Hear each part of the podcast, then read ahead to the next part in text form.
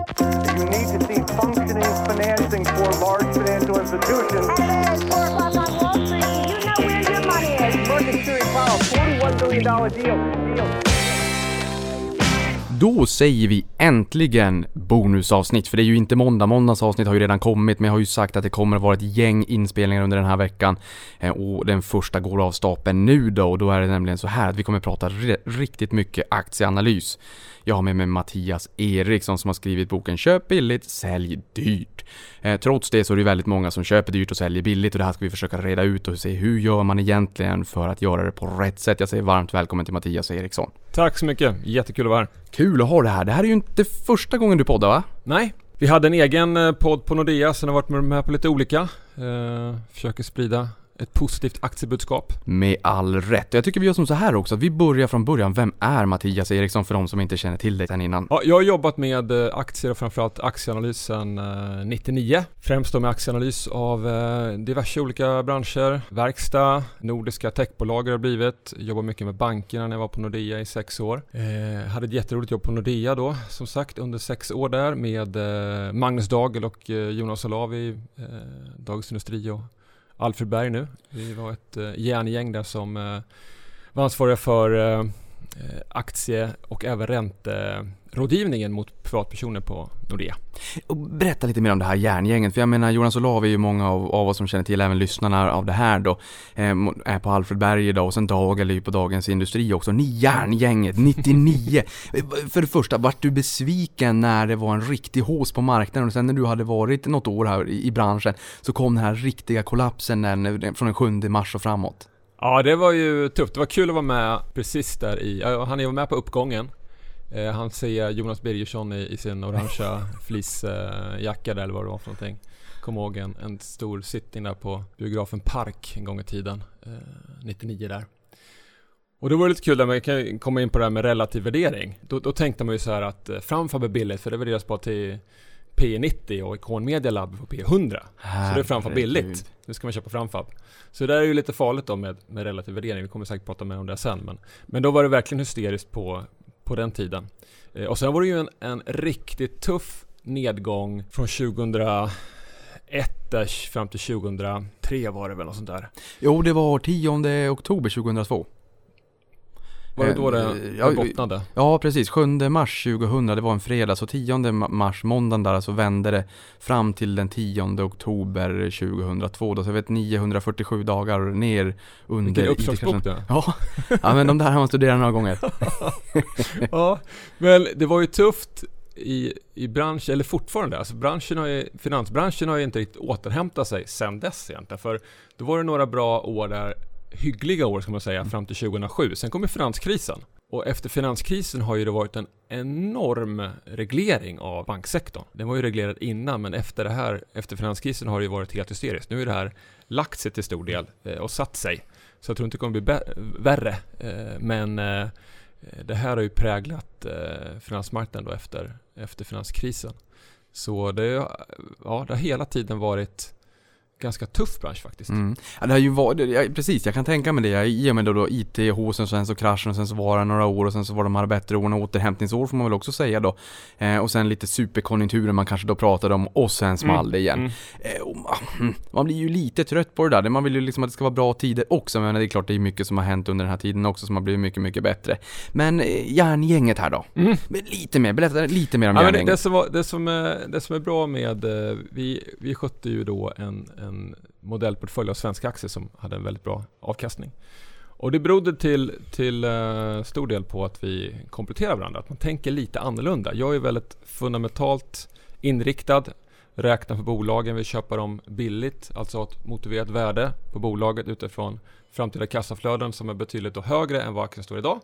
Så tänker jag. Jonas Olave tänker mycket momentum och, och, och teknisk analys. Vill köpa starka aktier, också väldigt vettigt. Eh, och Magnus tittar mycket på balansräkning och är väldigt långsiktig, fastigheter och, den typen av, av eh, långsiktiga investeringar som, som man tjänar pengar på över tid. Inga kortsiktiga vinster men mm. på lång sikt så blir det rik den vägen. Kul, det låter ju verkligen som en järngäng och jag tror att Olavia också har väl någon fond nu sen bara egentligen några månader tillbaka just, på Just det, ja. momentumstrategier. Ja, exakt. Kul, jag gillar även Dagels eh, artiklar i eh, Dagens Industri, eller man kanske inte säger artiklar, men han... Jo, men det, det är ju, ja, epos kan man kalla dem för. Epos. Epi... Ja, men de är, de är enormt eh, populära. Ja. Eh, Ja, men jag tycker han skriver. Enkelt och lättförståeligt och roligt. Jag menar, idag, nu jobbar du som jag förstår som fondförvaltare. Ja. Hur har resan fram till jobbet som fondförvaltare sett ut? Det kan jag tänka mig många som lyssnar på det här också känner att det där låter lite intressant. Hur gör man för att ta sig dit? Och hur har resan sett ut? Det har inte varit någon eh, rak väg utan eh, jag har ju hållit på med aktieanalys under alla åren, mer eller mindre och eh, på, på, på något sätt som sagt olika sektorer och varit väldigt bred och lärt mig enormt mycket. Så det, det är där man ska tänka på att hela tiden vad man än gör, att hela tiden lära sig nya saker. Och det är det som är kul med aktiemarknaden. Varför är det kul med aktier? Jo, för att man har, det, fin- det finns alla möjligheter att hela tiden lära sig nya saker. Eh, det är en enormt dynamisk värld och det finns enormt många spännande bolag. Så det, det, det, det tar ju aldrig slut. Nej. Det, är en aldrig sinande ström av, av spännande bolag att sätta sig in i. Ja, det är väl det. Alltså, är man kunsk- kunskapstörstig så är det ju en fantastisk bransch. Men vi har 70 000 bolag globalt och sen så har vi ju också Mm. lite börsintroduktioner så kommer ju Mm. nya bolag Ja. och behöver hålla sig ajour då. Ehm, men du har ju också skrivit boken då Köp billigt, sälj dyrt och tidigt i boken har du skrivit här då att din vardag kretsar kring aktier. Och även om du försäkrar läsaren om att du har andra intressen så säger du också att eh, du tänker på aktier hela tiden och då undrar jag lite grann så här, vill du gifta dig? Vad är det som gör det så roligt? Ja men det är ju, alltså naturligtvis är avkastningen viktig men det tycker jag faktiskt är sekundärt. Och det, det roligaste med aktier är just att lära sig nya saker. Jag tycker det är enormt roligt att, att, att lära mig nya saker. Eh, det, det är kul med kunskap och det är ännu roligare när man kan tjäna pengar på den här kunskapen. Eh, så det, det är primärt det, att det finns hela tiden något nytt att, att, att sätta sig in i. Det tar ju som aldrig slut. Eh, Så det, det gäller ju att man tycker det är, är roligt, just den biten. Annars så blir det ju enormt krävande. Ja, och det är ju det, jag, menar, ju mer, jag brukar säga, ju mer du lär dig desto mer inser du att du inte kan. Och det här handlar ju så Ja. otroligt mycket om psykologi och människor, så det går ju aldrig att förstå det riktigt helt fullt ut. Men Nej. det går ändå att vara fundamentalt eh, strängt kalkylerande, nyttomaximerande, och det är du, och det är du i den här boken, för det finns ju mycket att bita i. Mm. Det får man ju säga. Men så ska man ju samtidigt förstå att, att man behöver inte kunna allting. Man kommer inte kunna allting. Och det är ju likadant med en, en börs-VD kan ju inte precis exakt allting om, om bolaget han är chef över och inte heller branschen. Eh, han vet förhoppningsvis mer än du och jag, men, Mm. men, men absolut inte allting. Inte allt. Och sen så kan man ju också kanske se trender runt om i världen som då kanske bolaget inte ser. Det har vi ju Ja. sett fall av Ja. tidigare också. Det som är bra att vara, om man pratar då aktieanalytiker och fondförvaltare, eh, det är att som aktieanalytiker kanske man bevakar 5-10 bolag. Så man blir väldigt smal och väldigt duktig på den branschen och de bolagen. Men man, man får ju inget helikopterperspektiv vilket man får som förvaltare när man är mer bred och allmän. Och det är ju en, en nackdel att vara alltför nischad och alltför fokuserad på just sina bolag. Men, men en fråga där, är det vanligt att man går som från att vara aktieanalytiker till att bli förvaltare? Snarare än tvärtom? Ja, ja, men analytikerskolan är ju en väldigt bra skola. Dels för att lära sig räkna på bolagen och förstå affärsmodeller eh, och så vidare. Och så vidare. Eh, verkligen förstå hur, hur man tjänar pengar i olika eh, branscher och lära sig olika typer av bolag. Men också att träffa krävande kunder, sådana som jag då, som, som man kan eh, förhoppningsvis eh, lära sig en, en del av. Och jag pratar med kollegor, förvaltarkollegor eh, och bollar idéer och, och klär mig mycket av av eh, andra förvaltare också, absolut. Och eh, en, eh, det är ju många som brukar prata om indexfonder och säga att indexfonder är ju ett bättre sparande över tid och att man har svårt att slå index. Ja, och det, det kanske gäller om det är så att man inte är speciellt intresserad. Mm. Men för den personen som verkligen är intresserad, vill lära sig mer, det behöver inte vara så dåligt att, att äga enskilda aktier. Eller nu, det här är en jävig fråga. Du, du, exakt. Ja, men du, du kan ju bygga ett eget index som är mycket roligare. Alltså index är ju fel på så många olika sätt. Eh, framförallt så köper du ju aktierna av fel anledning.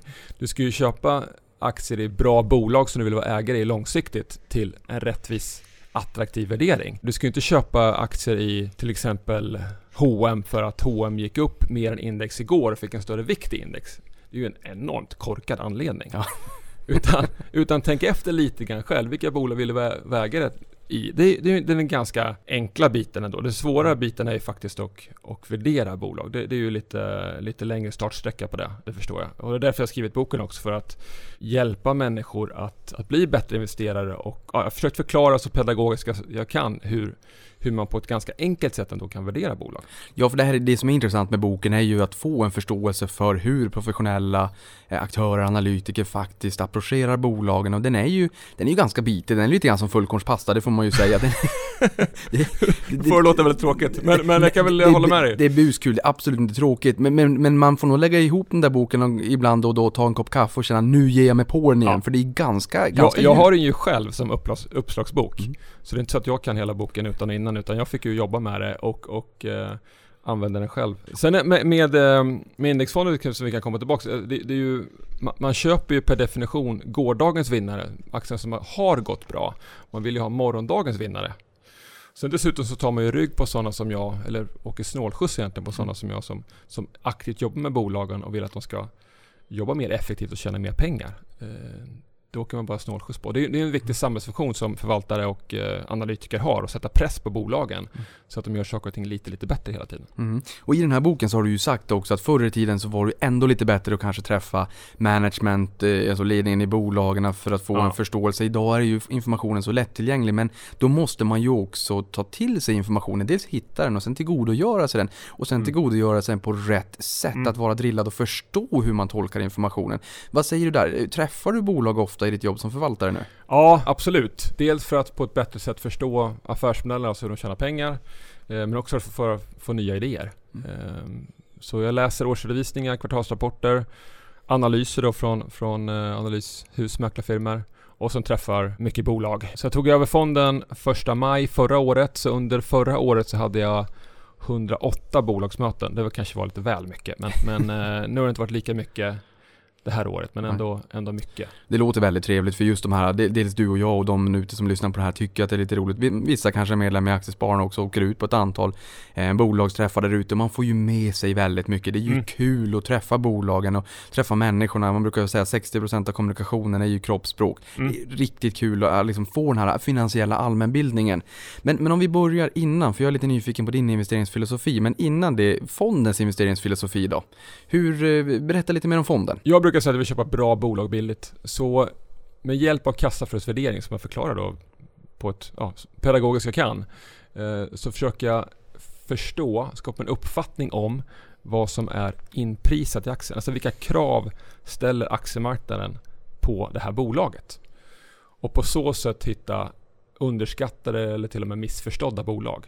Det är ganska enkelt att bara köpa bra bolag. Det finns ju, jag brukar nämna Thule på Stockholmsbörsen som är, jag tittar mycket på produktutveckling. Det är ju mm. som den enda sanna källan till eh, organisk tillväxt. Så bolag som är duktiga på att utveckla nya produkter är oftast väldigt framgångsrika. Ja, det får man ju säga att Thule också, de är ju, har ju Bengt Baron, gamla vd på, på Cloetta nu som, som ordförande i det här bolaget. De har ju precis öppnat en butik på Kungsgatan såg jag också. Såg de även när jag var i, i Sydafrika men, eh, men jag var in på den där butiken och kikade lite grann på de där produkterna. De är ju inte billiga heller. Nej. Och folk köper dem ju. Och det var ja. även ett inslag i morgonsoffan tror jag det var, när, när den här nya trenden att man, man springer och joggar med barnvagn. Och då såg jag att det var en Thulevagn. Mm. Och sen gick jag in och frågade dem och då sa de det. Vi öppnade precis för en månad sedan och produkterna, de funkar ju. Man ser ju att folk konsumerar produkterna och det gillar jag också mm. att se. Dels läsa redovisningen och läsa räkenskaperna men sen se också att de används där ute i samhället på riktigt inom situationstecken. Så i det här fallet kan det vara bra att prata med eh, människor i bolaget för att förstå att i, i Thules fall så har man ju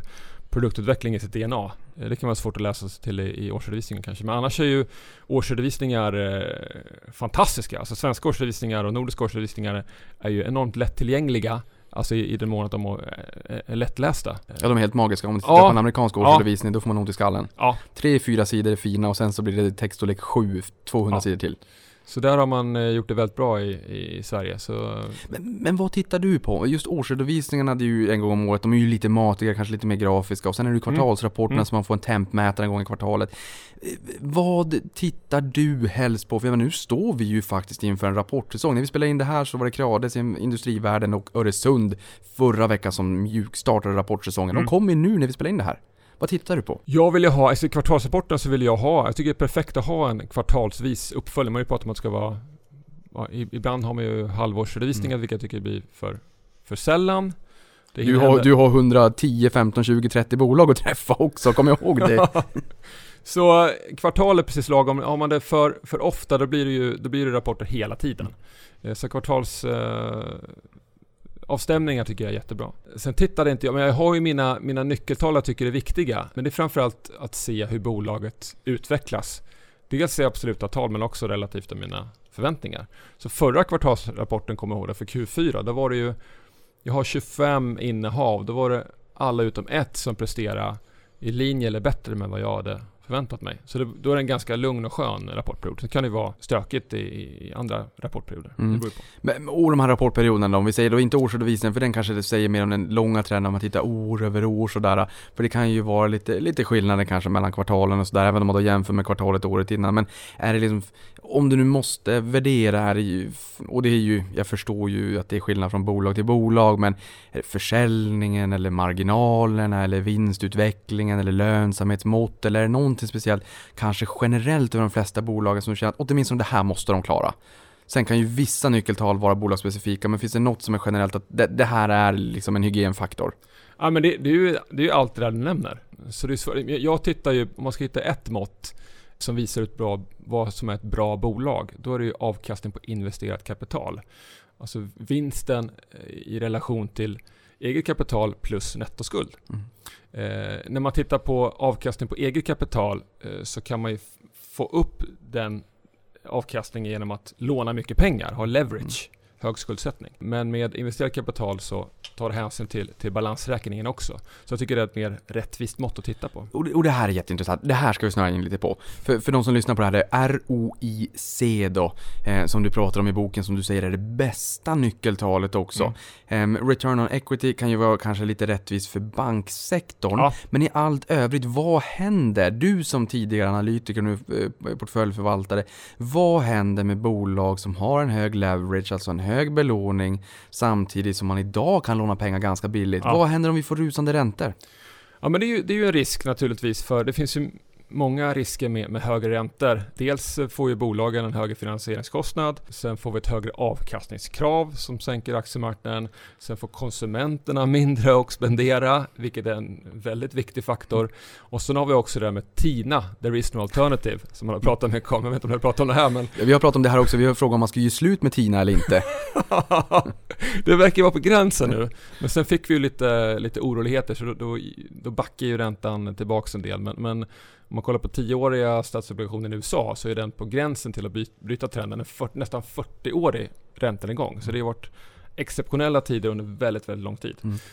Nej men jag tänker just att de här, om det är två tjejer vi pratar om då, både Tina och kreditlina, så kanske det är kreditlina man kan göra slut med nu och dra, nästan dra ner om det är så att man har till och med belåning i portföljen. Ja, Ehm, Belåning tycker jag ju är eh, någonting man ska passa sig för. Som bolag betraktat, jag visar det i boken, nu, nu är det rätt, rätt teoretiskt och lite bökigt, men, men om man är intresserad av att fördjupa sig så finns det eh, en modell som man kan beräkna optimal skuldsättning hos bolag. Det blir väldigt, som sagt, teoretiskt. I praktiken så ska bolagen ha, jag, brukar säga att skuldsättningen ska vara hanterbar. Det ska vara sådär lite, lite fluffigt uttryckt. Eh, för det beror på vilket, vilket bolag det är, vilken, vilken bransch och hur stabila eh, intäkter och, och kassaflöden de har.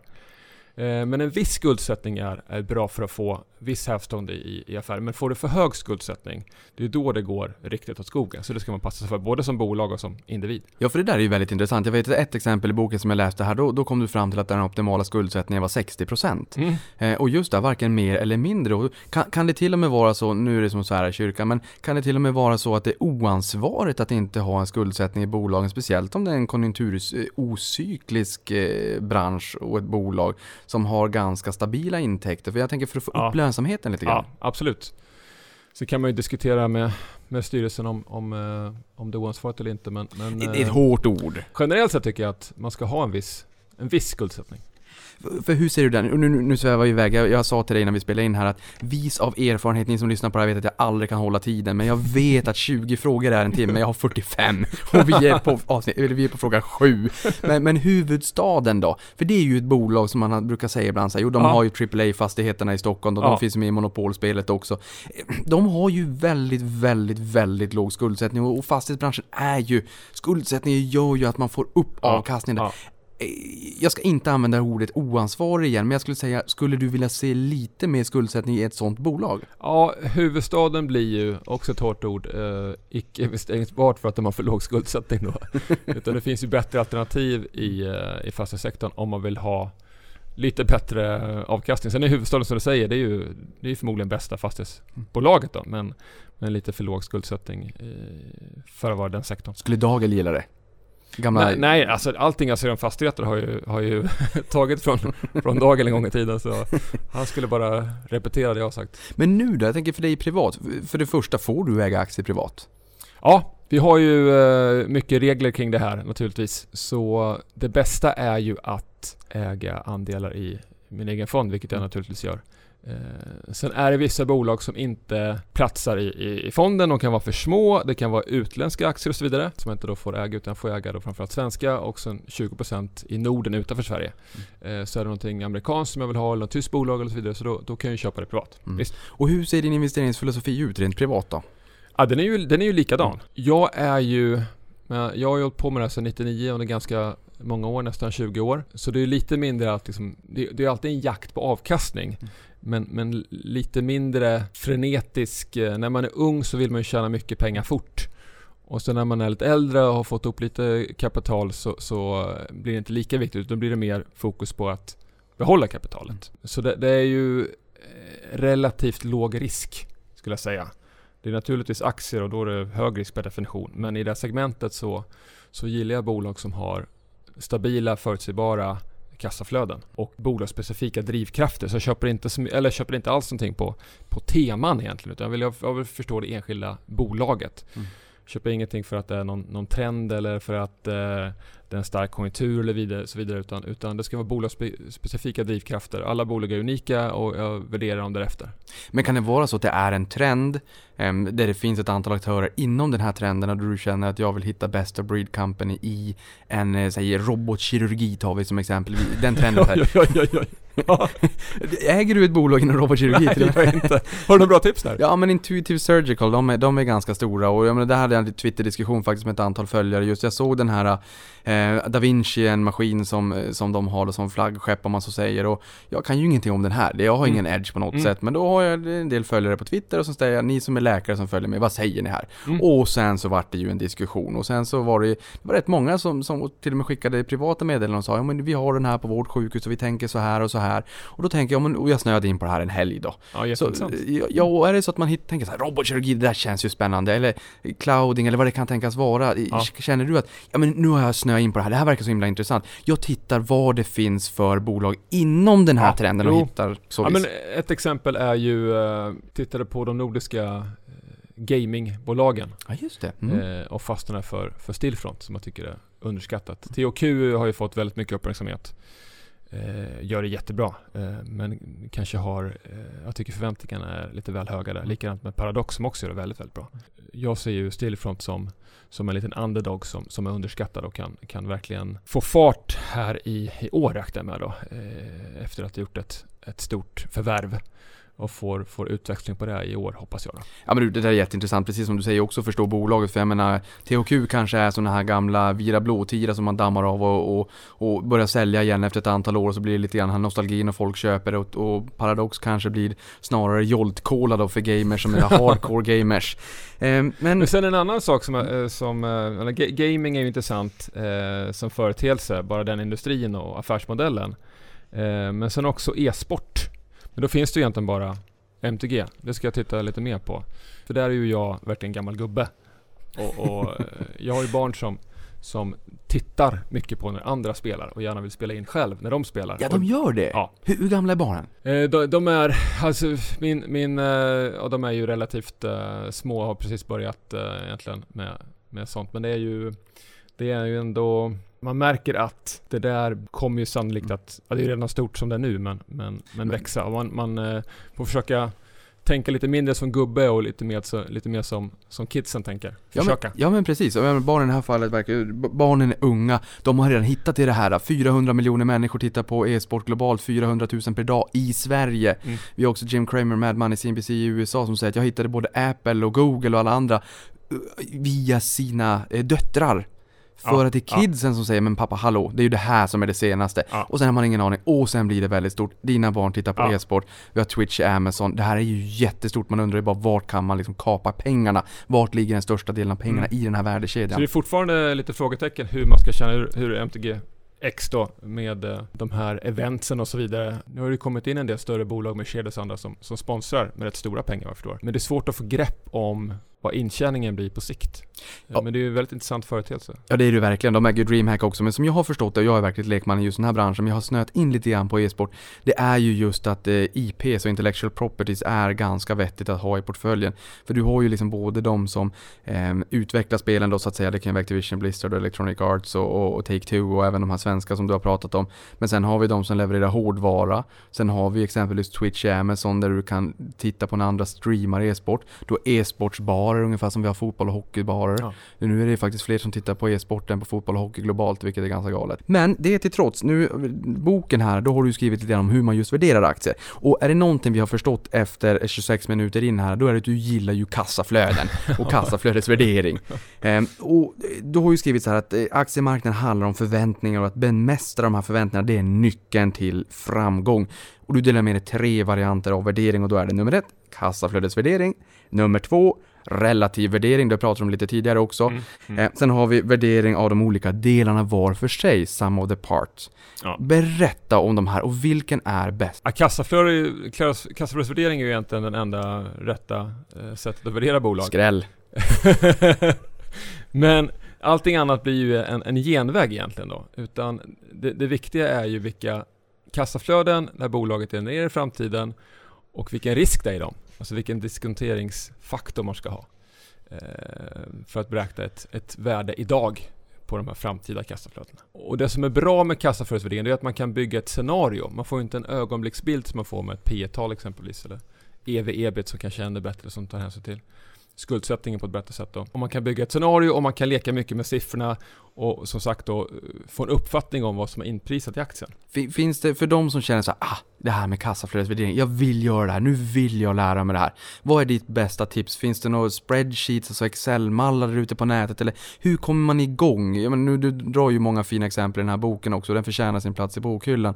Men för de som vill ha, eh, vill ha en sån här mall snabbt och bara försöka lära sig hugga in så att säga, hur gör Ja, man? jag, jag har ju fått ofta frågan om det där med kan du inte, kan du inte skicka över en modell eller kan du inte på något sätt tillhandahålla en, en mall? Och det, jag, jag tror att det där är lite farligt också, en liksom farlig genväg. Utan jag tror att det är värt att sätta sig in i det där själv och ta den tiden att bygga en egen modell. Det är inte särskilt svårt. Har du intresse framförallt, eh, för det är ju ändå lite uppförsbacke, eh, kan lite Excel och kan läsa en årsredovisning vilket är ja, kul att läsa. Eh, tror jag de flesta, men ja, ganska många människor tycker det är kul i alla fall att läsa årsredovisningar. Ja, det är ju lite finansiell allmänbildning. Ja, då kan du sätta upp en modell med hjälp av min beskrivning i, i boken. Det är inte superenkelt men, men samtidigt inte, inte jättesvårt. Det, utan det är ju hur mycket kommer bolaget sälja i framtiden till vilken marginal? Du betalar skatt på den vinsten eh, och sen har du ett investeringsbehov då Eh, i form av investeringar i fabriker och även immateriella tillgångar som det heter då, materiella och immateriella. Och sen rörelsekapital för att, att driva verksamheten. Och sen får du ett, ett fritt kassaflöde. Och sen har du en diskonteringsfaktor. Eh, så det, det kanske låter, det låter väl kanske lite invecklat när man hör det för första gången men när man väl har gjort det en gång så inser man att nej, men det är inte så himla komplicerat här egentligen. Nej, och det vet vi ju också. Jag menar, alla som har varit ny på någonting någon gång känner ju att man kan bli alldeles livrädd. Jag kommer ihåg själv när man skulle börja eh, placera eh, orangea kuvertet och man skulle in i fondtorget här när man var ung i tonåren och insåg att herregud, jag förstår ingenting. Och sen när man inser att när tiden går lite grann så är man, men himla vad man lär sig mycket. Mm. Så gör det. Det, det, det är som Mattias säger, det är ju mycket, det, det låter mycket. Men sätt er in i det sakta men säkert och det kommer ju att sätta sig. Och jag menar, jag Det tror är inte jättekul om man väl kan det. Man, mm. Och, och som sagt, det är en viss uppförsbacke men den är inte särskilt eh, jobbig. Utan, utan har man ett intresse och vill sätta sig in i, i den här biten och, och förstå bolag bättre och även hur aktiemarknaden fungerar så, så är det värt den tiden och sätta sig in i det. Mm, och jag tänker så här också, du som gammal analytiker, eh, det, man, man, du pratar lite grann i boken om också att man måste förstå vad som är inprisat i kursen. För ibland kan det ju vara så att man ser på Twitter eller på forum eller i Facebookgrupper där de säger att de här bolagen, ja men det här och det här och det här kommer hända. Det kanske inte har materialiserats än, men man förväntar sig att det kommer att hända. Det man kanske missar är att det, det, kan, det kan ju redan vara så att det är diskonterat i kursen, Ja. alltså förväntat. Hur, hur ska man angripa det här för att försöka förstå vad som är inprisat och inte? Ja, men då, då, med hjälp av den här modellen eh, så kan du till exempel, om vi säger bolag eh, X har historiskt vuxit med 5%. Eh, det är som marknaden växer och det verkar rimligt att de gör även i framtiden. Och de har haft en marginal på, låt säga, 20% och sen är det lite andra antaganden men, men det är de två viktigaste. Och sen har vi en, en allmän eh, börskrasch av någon anledning. Det kan vara någon krig som startar eller vad det nu kan vara. Så aktien faller kanske 50% och då när man, man lägger in siffrorna i modellen då kanske det räcker med att man har en marginal på 5 eller 10% för att motivera dagens kurs. Jämfört då att de lägger på 20% historiskt. Då är då med andra ord förväntningarna lågt ställda, sannolikt. Just det, man borde inse att den kanske kan gå tillbaka till 20 Det också. farliga är ju då om man har kanske inte någon, någon eh, makrohändelse eller någon allmän händelse utan att en strukturell förändring i branschen eller för bolaget. H&M Ja, då kan ju, då kan ju det vara så att marginalen faktiskt på sikt ska ligga på 50% och inte 20%. H&M är ett bra exempel. Mm. Så det är ingen enkel sanning men du får en uppfattning om vad som är inprisat. Så kan du tänka efter själv om, om det är rimligt eller inte. Det är enklare att göra så än att bara tycka att ja men P10 är billigt. Mm. Det säger ju ingenting egentligen. Nej. Jag tycker att det här är ett jätteintressant exempel också för jag menar att H&M's rörelsemarginal låg på 18% för fem år sedan, ligger på runt 12% i årstakt i, eller ja, bakåtblickande släpande, inte ens släpande utan förra året då. Ehm, och då kan man ju tänka sig, hmm, tänk om H&M's rörelsemarginal skulle kunna gå tillbaka upp 50%, alltså upp till 18% igen. Mm. Då skulle de vara i linje med Inditex som är den stora spanska konkurrenten och de värderas till P-talsmässigt 70% högre. Mm. Eh, Det är ju ingen sanning i sig, men, men, men det, är ju, det är ju en av många inputs när man sitter hemma på sin kammare med en kaffe och funderar lite grann. Mm. Eh, och, och ska vi säga någonting om H&M här? Jag menar det är klart att nu har ju de, de toppade på 368,50 3 mars 2015. Det har gått ner jättemycket, det är jobbigt i branschen men eh, det kan ju ta tid att vända. Va, va- vad ska man säga där? Jag menar andra konkurrenter lyckas ju hålla marginalerna betydligt mycket högre än H&M. Ja, det är ju eh, ja, det är fler än ett problem. Så Mm. det enklaste är ju bara att hålla sig undan tills det förbättras eh, operationellt. Man ser avtryck i, i framförallt deras egna siffror men även i, i aktiekursen. Så Men- nu är det som att fånga en fallande kniv och det brukar Mm. vara farligt. Men för de som funderar lite grann på H&M här, är, är din bild då snarare att ja men de kommer säkert kunna vända det här men frågan är hur lång tid det tar och det kanske finns andra hästar som springer snabbare snarare än att de kommer gå i putten om man så säger. H&M har ju ett existensberättigande. Sen, sen kan man ju diskutera vilket marknadsvärde de ska ha. Problemet är ju att de, ja, de har ju fortfarande fina nyckeltal men de har ju gått söderut en, en längre tid. Och just nu så talar ingenting för att det kommer vända. Utan då är det bättre, bättre att vända. Och sen det- tycker jag H&M får kanske lite väl mycket uppmärksamhet här i Sverige av förklarliga skäl. Det är ett väldigt stort svenskt bolag, så det är inte så konstigt. Men om det var ett, eh, ett börsvärde på 5 miljarder så hade vi inte pratat om H&M utan det är just för att det är stort i sig. Och jag tycker det är ganska intressant också, för jag menar, det här pratade du om innan vi började spela in just svenska folkaktierna som exempel. Euroclears rapport som visar att Telia är den aktien med flest aktieägare i Sverige. Det är alltså vår svenska folkaktie med över en halv miljon sparare. Sen har vi Ericsson, jag tror H&M var på femte eller sjätte plats. Jag tar nog nästan gift på femte plats. Så det är ändå ganska fascinerande hur mycket vi pratar om H&M trots att den är ganska långt ner på listan. Ja. Men H&M har ju, de har haft en räntabilitet på eget kapital över 40%, price to book på 10. Men här sa vi ju att return on equity kanske inte är det korrekta nyckeltalet och det blir lite, lite grumligt med skuldsättning. Nu har de ju historiskt inte haft i princip någon skuld alls. Är det rätt att titta på nyckeltalet eh, som, som ROE i H&M's fall? Eller skulle du tycka att något annat är bättre? Så- Nej, nej men det behöver, inte- det behöver inte vara fel. Return on Invested Capital är ju, är ju snäppet bättre men, men Mm. det är egentligen strunt samma i det här fallet. För det viktigaste är vilken riktning de här nyckeltalen utvecklas. Alltså allting. Försäljning i jämförbara butiker framförallt. Eh, bruttomarginal, rörelsemarginal, avkastning på eh, kapital eller investerat kapital, sysselsatt kapital, vad du nu än väljer, så går ju allting i fel riktning. Mm. Och det är det som är problemet. Man vill, man vill äga bolag där saker och ting förbättras. Vinsten stiger, avkastningen på kapitalet stiger och så vidare. Mm. Sista frågan om H&M innan vi lämnar dem. ja, men, ja men den här frågan tänker jag i, i ditt tidigare yrke, din tidigare profession men även nu som förvaltare. Eh, H&M är ju inte jättekända för att vara duktiga att kommunicera med marknaden. Nej. Hur påverkar det en analytikers bild av viljan att ehm, Ja, punkt, punkt, punkt.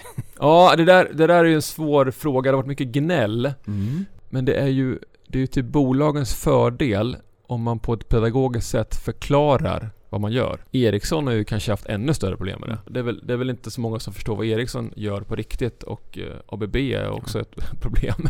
Eh, som kanske borde splittas upp då för att man ska lättare förstå de olika delarna. Just det, som Gardella var inne på. Ja, dela upp. kunde vara ett Mm. sätt och så vidare. Och så, vidare. Så, så, så generellt sett så mår ju bolagen och, och inte minst aktiekursen bra av att kunna förklara på ett enkelt sätt vad man gör och hur man ska tjäna mer pengar i framtiden. Ja, och just det med att tjäna mer pengar i framtiden, för när man ska prognostisera ett bolags resultatutveckling så är det ju framförallt två saker som är viktiga, säger du i boken här, och det är ju affärsmodellen, Mm. hur bolaget tjänar pengar. Det kan inte nog underskattas. Ska ni investera i ett bolag, ni som lyssnar på det här, kolla hur bolaget tjänar pengar. Det, det är dagens ord. Eh, och sen har vi drivkrafterna bakåt som driver intäkt och resultat. Hur ska man tänka där? Dels hur de tjänar pengar, hygienfaktor. Men Ja. Trots det tror jag det är ganska många som, som missar lite på den. Ja, men det där kan bolagen vara lite då. Alltså, många årsredovisningar, som sagt, de är väldigt bra, men, men de blir lite fluffiga emellanåt och och visar liksom inte konkret eh, i, många fall exakt hur man tjänar pengar och hur det fungerar med distribution och leverantörer, kunder och så vidare. Man kan göra det ännu bättre kan jag tycka. Vissa, vissa bolag och branscher förstår man ju intuitivt. Hur, hur tjänar H&M pengar? Jo, man går in i en butik och köper eller man gjorde, man, man, man, gick, man gick in i en butik och köpte kläder. Alls pengar på, på nätet. då, men, och en lastbil eh, förstår man också någorlunda väl eh, hur, man, hur man köper och så vidare. Men vissa, vissa andra branscher kan det vara lite svårare. Och sen handlar det om, alltså det man vill se i ett bolag är ju vinsttillväxt. Mm. Och då handlar det om att Eh, man ska växa sin försäljning och det gör man primärt genom att utveckla nya produkter. Man kan också vara inom en, en nisch som växer väldigt kraftigt. Eh, det är bra att ha en, ha en stark marknadsposition. Då brukar man ofta kunna driva priserna också och ligga i bräschen där. Och sen också jobba då med, med marginalen naturligtvis och försöka få upp den på olika sätt. Så försäljningstillväxt och marginalutveckling, det driver ju vinsttillväxten då på nedersta raden. Mm. Och när du tittar på ett bolag då, om du känner att ja, men det här bolaget kanske har marginaler som ligger lite efter konkurrenterna eller Mm. är, kan bolagen, är bolagen generellt sett duktiga på att guida vart de tror att en optimal långsiktig nivå kan ligga eller vet bolagen ens riktigt det själva? Nej, det, det, vi- alltså, det ska man förstå att framtiden är oviss för alla människor, inklusive börs Eh, de, de, de, de kan ju De kan ju bolagen bra naturligtvis, men det är ändå så att de inte vet vad som kommer hända i framtiden. Sen kan man ju ändå ha en uppfattning om vad man kan göra med kostnadsmassan. Det, är svårt att veta vad som händer med marknaden.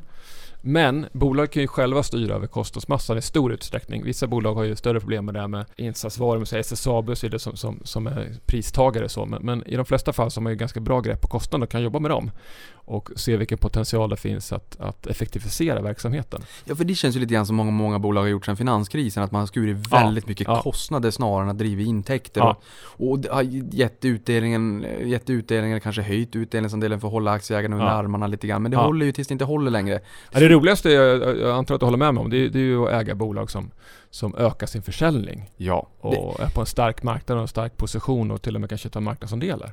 Det är det bästa. ja, det måste ju finnas. Det hade inte varit något roligt för Emil i Lönneberga om man hade fått en färdigsnickrad liten, liten träbit, utan han vill ju ha färdigt råmaterialet och kunna Ja. snickra en ny gubbe av. Ja. Och du kan ju skära kostnader så länge du kan skära kostnader tills det inte funkar längre, men till slut så måste du ju ha in ny försäljning Ja. i bolaget Ja. helt enkelt. Det ser man ju bankerna kämpa med. Det är mycket kostnadsfokus och eh, knappt några intäkter som, som växer då. Stora intäkter i sig men, men inte så mycket tillväxt. Och ny konkurrens då på, inte minst då på bolånesidan som, som stör nu och, och fintech generellt Mm. som, som ett bekymmer då. Mm, det är lite jobbigt för dem, vi får se vart det är på väg. Men em, hur snickrar man ihop prognosen då kring ett bolags försäljningsutveckling, marginaler och vinst samt investeringsbehov och avskrivningar? För det är du in lite grann på boken också. Nu börjar vi gå lite på djupare vatten. Ja, nu, det är därför jag skrev boken också för att eh, det är svårt att, att på ett enkelt, snabbt sätt eh, förklara. Men, men som man nämnde eh, tidigare så är det ju inte så många beståndsdelar ändå. Utan det gäller att ha en uppfattning om försäljningsutvecklingen Eh, och då har man ju en, en marknad i grund och botten som, som förhoppningsvis växer. Och sen frågan om bolaget kan ta marknadsandelar eller inte. Det beror mycket då på som sagt produktutveckling, mycket tjat om det. Och sen har man då en, en rörelsemarginal. Eh, vilka kostnader har man för att få in de här eh, intäkterna? Och sen har man skatt på den naturligtvis. Och ett investeringsbehov. Man måste investera för att växa. Så det, det förklarar jag på, på för ett förhoppningsvis pedagogiskt sätt i boken då att eh, det finns ett samband mellan tillväxt och investeringsbehov. Så du kan liksom inte växa utan att investera. Det går liksom inte ihop. Nej, Nej för jag tänker, ett bolag som poppar upp i min skalle, även fast värderingen kanske är hög på det, det är just Assa Abloy. För de Mm. säger i sin redovisning också att vi, vi har som mål att en tredjedel av försäljningen ska komma från produkter som inte fanns för tre år sedan. Eh, och det är ju ganska kaxigt. Eh, Mm. och, och jag menar ett annat bolag som jag tror att de flesta känner igen, det är ju världens högst värderade eh, börsbolag och inte mätt i termer av, av P tal utan i börsvärde så att säga, och det är ju Apple. Mm. För jag menar, vi förväntar oss nya produkter varje år löpande hela tiden. Eller de flesta Mm. Konsumentbolagen, annars så kliar vi ju skallen och funderar på hallå, varför kommer det inga nyhet, nyheter? Så där är ju produktutveckling superviktigt helt Ja. enkelt. Och Och det i blir lite fallet mer eh, Assa intuitivt. Abloy då, om jag bara får nämna det, så, så har ju de eh, ingen förbättring de senaste åren i, i avkastning på investerat kapital, utan det står still. Och det är ju mycket för att de växer tack vare förvärv. Mm. Och det där med förvärv, de, de lyckas ju relativt väl. De, de, de vet vad de håller på med. Men det är ändå svårt att förvärva och integrera bolag. Det är ju det är ju ingen det är inte enkelt, det tror jag människor underskattar, den typen av tillväxt. Jag föredrar ju organisk tillväxt, eh, för det är så himla svårt att riktigt förstå vad, vad bolagen köper. Mm. Eh, man får väldigt eh, Ja, fåordig eh, information kring Mm. förvärven vanligtvis. Då. Om det inte är noterade bolag då är det enklare, men om- det är privata bolag så vet man inte särskilt mycket alls. Eh, utan man får lita på det bolaget eh, säger. Och, och sen eh, är det ofta så att det är säljarna som tar Eh, uppsidan då i form av budpremie. Det ser man ju när, när det kommer ett uppköp på börsen. Då är det oftast en, en mer eller mindre hög budpremie och det blir svårt för, för köparen då att eh, räkna hem det i många fall. Ja, och sen är det ju det här med, med företagskultur också. Om man ska få upp företags, företagskultur, kanske om det är två stycken ivriga konkurrenter i en bransch så, här, Mm. så ska de gå ihop så att säga. Ja. Intrum och före detta Intrum Justitia, nu Intrum och Lindorff är Ja. kanske ett sånt exempel. Ja. Avanza Nordnet hade kanske också varit ett sånt exempel. Ja. Eh, men eh, du har ju också sagt att det som bestämmer aktiekursen det är två faktorer. Vinsten och hur vinsten värderas. Dels Ja. vinsten, vinsten driver aktier eh, över tid. Men hur den här värderas också, kilopriser på aktier, det, det, den kan ju också förändras. Vad säger du där? Ja, det viktigaste är ju ändå vinstutvecklingen. Om man, om man tar en graf då med, med hur aktiekursen utvecklas och eh, vinsterna. Så över tid så ser man ett tydligt samband. Så stiger vinsten så stiger aktiekursen. Så vet man av någon anledning att, eh, vilket man då aldrig vet, men, men eh, i och med att framtiden är oviss. Men, men vet man teoretiskt då att vinsten ska stiga, då ska man köpa aktier för då kommer aktien sannolikt upp. Om då inte den här, det här bolaget värderas väldigt högt. Eh, sen är värderingen i sig ingen anledning att aktien ska rasa, men det kan göra så att aktien står, står stilla, att de, så att säga, de måste växa in lite grann i, i värderingen. Så därför är det, ja, Benjamin Graham har uttryckt det väl, "A- a great eh, company is not a great investment if you pay too much for the stock. Så man ska väga ihop både bolag och hur bolaget värderas. Mm. Ja, det ligger ju någonting i det där. Det är ju inget roligt att betala eh, 50 spänn för en glass, då blir den inte så god längre. Nej, Eh, utan det handlar ju om prisvärdhet. mm. Eh, finns det obegränsat med pengar, då kommer man enbart köpa det bästa hela tiden. Men så är ju, ser ju inte verkligheten ut, utan man ska ju hushålla på bästa möjliga sätt och hitta det som är mest prisvärt. Mm. Och just det här med, med ett vanligt nyckeltal som många använder är ju P talet Men hur ska man tänka kring P talet när det är bolag som inte är riktigt, eh, där man inte riktigt kan använda det för att de är i en annan del av sin livscykel, alltså en tillväxtfas och kanske inte heller lönsam tillväxt utan bara rent tillväxt, typ som Amazon och Netflix. Hur, hur ska man tänka där? P talet är ju alltid trubbigt, mer eller mindre. I sådana fall så blir det oerhört trubbigt. Utan då måste du ha en uppfattning om vilka kassaflöden de här bolagen ska generera i, i framtiden. Och bolla med de siffrorna för att komma fram vad som kan tänkas vara rimligt.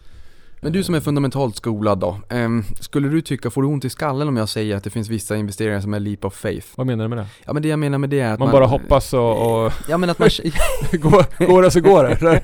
Det det. Ja, det är så, man, man drar ner solskyddet på bilen och sen så kör man bara. Nej, nej, men, just det där att om man, man investerar i ett bolag som får vara en liten del av portföljen, inte en större, en stor del, Ja. utan en liten Ja. del. Men där man känner så att okej, det går liksom inte att värdera bolaget riktigt sådär och de gör inte vinst, de, de vill växa, de återinvesterar alla alla pengar, jag vet inte exakt vad de kommer tjäna i framtiden, det är jättesvårt att värdera. Men jag tror verkligen på det här. Jag tror på att Amazon kommer ta en jättestor andel av e-handeln globalt, eller jag tror att de flesta hushållen kommer se ett Netflix-abonnemang där, det där som... går ju att sätta in i en modell, sen är det där jobbigt. Mm. Alltså man får ju ändå förutsätta att bolaget man investerar i någon gång ska tjäna pengar och dela ut pengar. Eh, Annars är det ju värdelöst. Så det får man utgå ifrån även fast det gör förlust idag. Och då kan man bygga ett sånt scenario att man kan ju bygga en, ja nu blir det ju lite jobbigt då, men liksom bygga ett längre scenario med, med en, en, eh, en utveckling som man, som man tror på på sikt och se om det är rimligt och vilket värde man får på, på aktien då. Eh, sen kan man ju då som en mindre del eh, Ja men det blir ju, ja, jag, jag gör inte så. Jag, jag kan förstå att, att alla människor inte kan ägna så mycket tid åt att räkna på varenda bolag men, men eh, Du får lite ont i magen när jag ställer den där Ja, frågan. ja, ja, ja, jag tycker det är lite jobbigt att man eh, så att säga Om man till exempel åker förbi eh, Cloetta-fabriken och det, det doftar choklad, att man köper Cloetta-aktier då. Så många verkar ju kö, köra det spåret lite grann och det är ju, tycker jag lite, lite farligt då. Men för där brukar jag säga, just det här, kort utsvävning, men just det här att titta runt omkring det, världen är börsnoterad, vad finns det för bolag runt omkring det, varor, tjänster som du utnyttjar, eller utnyttjar låter fel, som du nyttjar, och Mm. börja, börja nysta i bolag där. Ja, Inte att man köper bolag för den anledningen, Ja, men man börjar ja. nysta. Ja. Jo, som sagt, det, det enklaste är väl egentligen att, att köpa bra bolag och bolag man vill vara ägare i för att de gör bra saker. Eh, sen alltså, om man ska ta det ett steg, steg längre så är det ju som sagt, det viktiga är också prisvärdhet och då ska man ju värdera bolagen. Mm. Och titta på den biten också. Men det är ju den lite jobbigare biten. Så är det ju. Men, och för de som är långsiktiga då, som köper för, för många årtionden framåt, hur viktigt skulle du säga dagens värdering är om man hittar ett bolag som man tycker är fantastiskt när man ska köpa så evi- evinnerligt många gånger? Ehm, Skulle du säga att det viktiga, om du hade varit i den positionen, att det fortfarande är jätteviktigt att det är exakt rätt värdering precis vid första köptillfället, även om du har flera hundra till? jag ganska tydligt vilka Det- svar du vill le- le- ledande fråga.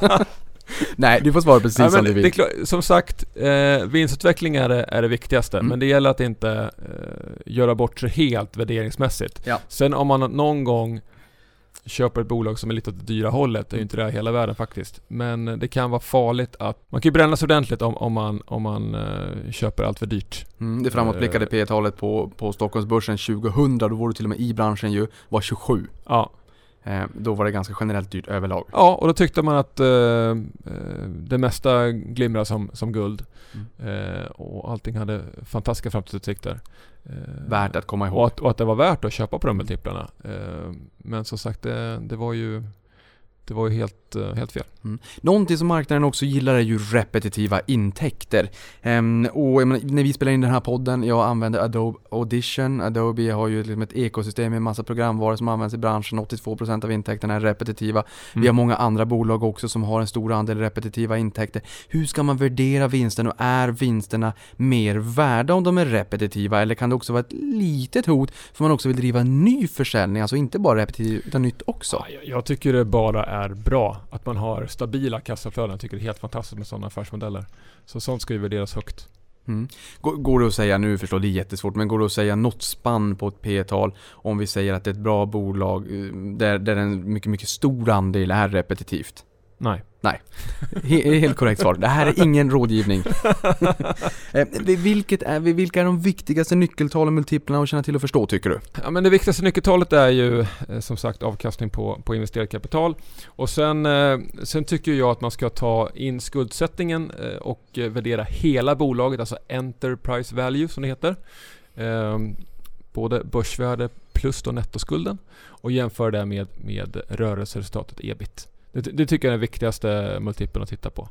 Det, det där tycker jag är jättespännande, för jag menar att om man bara tittar på P talet det är ju som att titta på oh, en lägenhet för två miljoner. Men, men, och sen så räknar man på, bara på, eh, på 500 000 kronor eftersom att det är en halv miljon är lån. Ja, Så tittar man på, ja men det är en halv miljon, det har ju råd att köpa den här lägenheten för. Fast Enterprise Value, tittar man på hela balansomslutningen, liksom vad Ja. hela bolaget är värt, då var det helt plötsligt två miljoner. hur Och det- mycket skulder är i föreningen? Ja, ja. Des, du, det där är en jättebra grej. I, I snitt i Sverige så är skuldsättningen 5000 per kvadratmeter i föreningar, men nyproduktion ligger på 12. Ja. Det är ganska bra att ta med sig det i beräkningen för er som lyssnar på det. Det kom alldeles nyligen en rapport på det. Det är lite läskigt. ja, det är. Eh, Men, men det där kan du bara utveckla lite kort, för jättemånga tittar på P talet Men där tittar man ju bara på... P talet blir ju fel i de fall där bolaget har en hög skuldsättning. Då ser P talet lågt ut. För du tar inte hänsyn till skuldsättningen. Men om du köper ett bolag så köper du som sagt hela bolaget.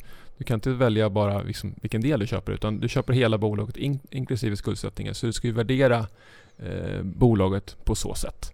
Eh, Ja, för jag tänker så här, det är det du betalar. Sen så hur du Ja. väljer, om du köper ett bolag idag, hur du väljer att optimera kapitalstrukturen imorgon, om du betalar av alla lån och du skjuter in egna pengar eller så här, Det är ju helt upp till dig så att säga. Det är ju helt upp till dig som lyssnar på det här hur mycket pengar du vill slanta in i kontantinsats på ett Mm. boende. Bostadens pris när du köper det är ju det som är det viktiga. Ja. Är det någon risk förutom skenande räntor, räntor som kan vara lite jobbigt om det är en hög skuldsättning? Och vad är en hög skuldsättning i ett bolag? Ja, det, där, så det beror ju på vilket typ av bolag Mm. det är. Eh, har du väldigt stabila, förutsägbara kassaflöden så kan du tåla en högre skuldsättning. Så det är, det är svårt att sätta en, en specifik gräns. Men, men bolag som har klumpiga eh, jag inget bra ord där, men, men där, där eh, vinsterna är väldigt, vi kan säga väldigt konjunkturkänsliga och rör sig väldigt mycket upp och ner och dessutom har en hög skuldsättning, typ SSAB, är ju, är ju farliga på så vis då. Mm.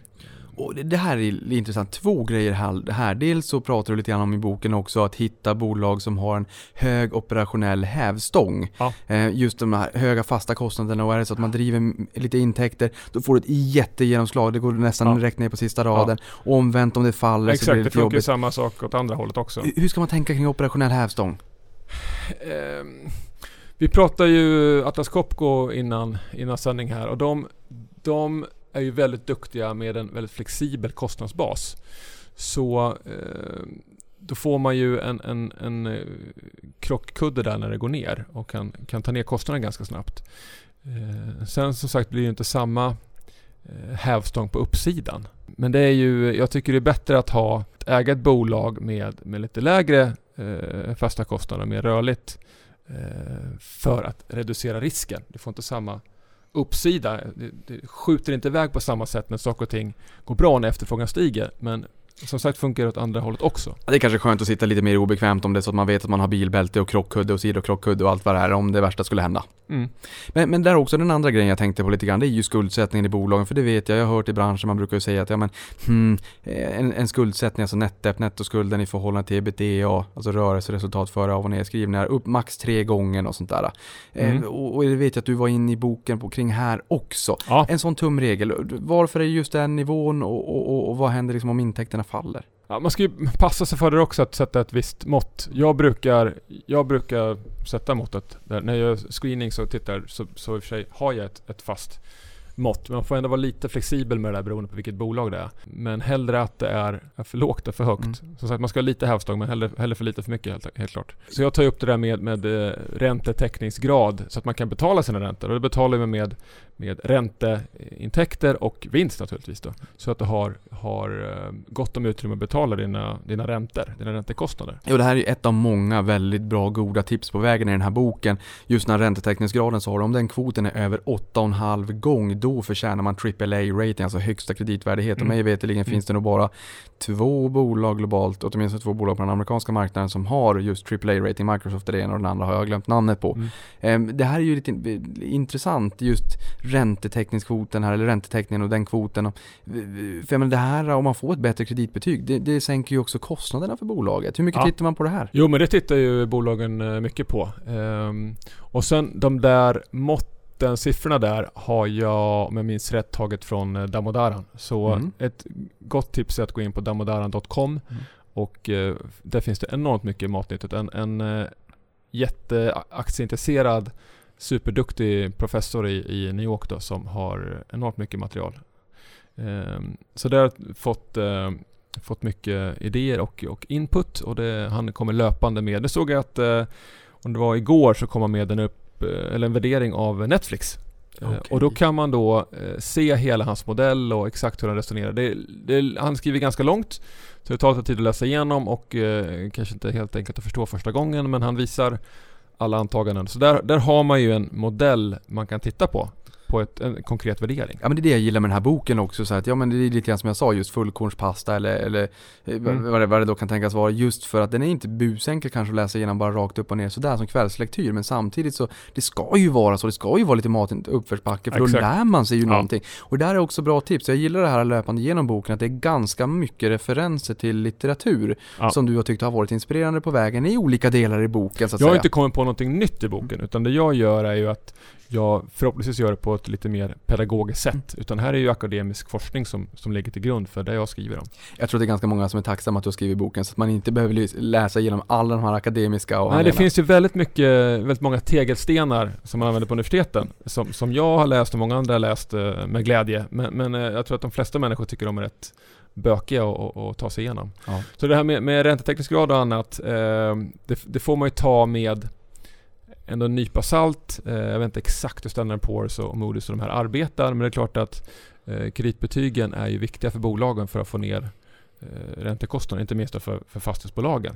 Ja, men du, kort fråga här då. Vad, vad, säger, vad säger de ratinginstituten? Är inte det här en jättebra affärsmodell och bolag och ägare? För vissa Ja, dem är börsnoterade. Ja, Så Erik Selin var ju med i, börs, i EFN Börslunch och han sa ju att han ägde ju Moody's vill jag minnas. ja, ja, absolut. Sen har ju de, kan jag tycka, fått lite för lite skit efter finanskrisen. Eh, uppenbarligen så var de ute och cykla. Eh, De var med på det, ja. kan man nästan säga. ja. Det har jag faktiskt när jag var på, i, på Island, kort bara, när jag var på Island så, så träffade vi centralbankschefen och det här var jag väl åka dit i kölvattnet av finanskrisen för det small ganska ordentligt där. Och då berättade de att det var en av de här eh, svenska by- byråerna eh, som hade hjälpt de här med, med deras eh, lån. Och då har man sagt, oh, du, det här går inte ihop, men vet du vad vi gör? Vi förlänger durationen och sen så höjer vi räntan på papper så att vi gör en vinst. Och sen sopar vi Mm. skiten under mattan. Mm. Så att jag håller med dig, Eh, man kanske har fått Mm. lite, lite för lite skit. Mm, mm. Men samtidigt så har man fått avkastningen då som, som aktieägare. Ja, de har ju solida affärsmodeller, det måste man säga.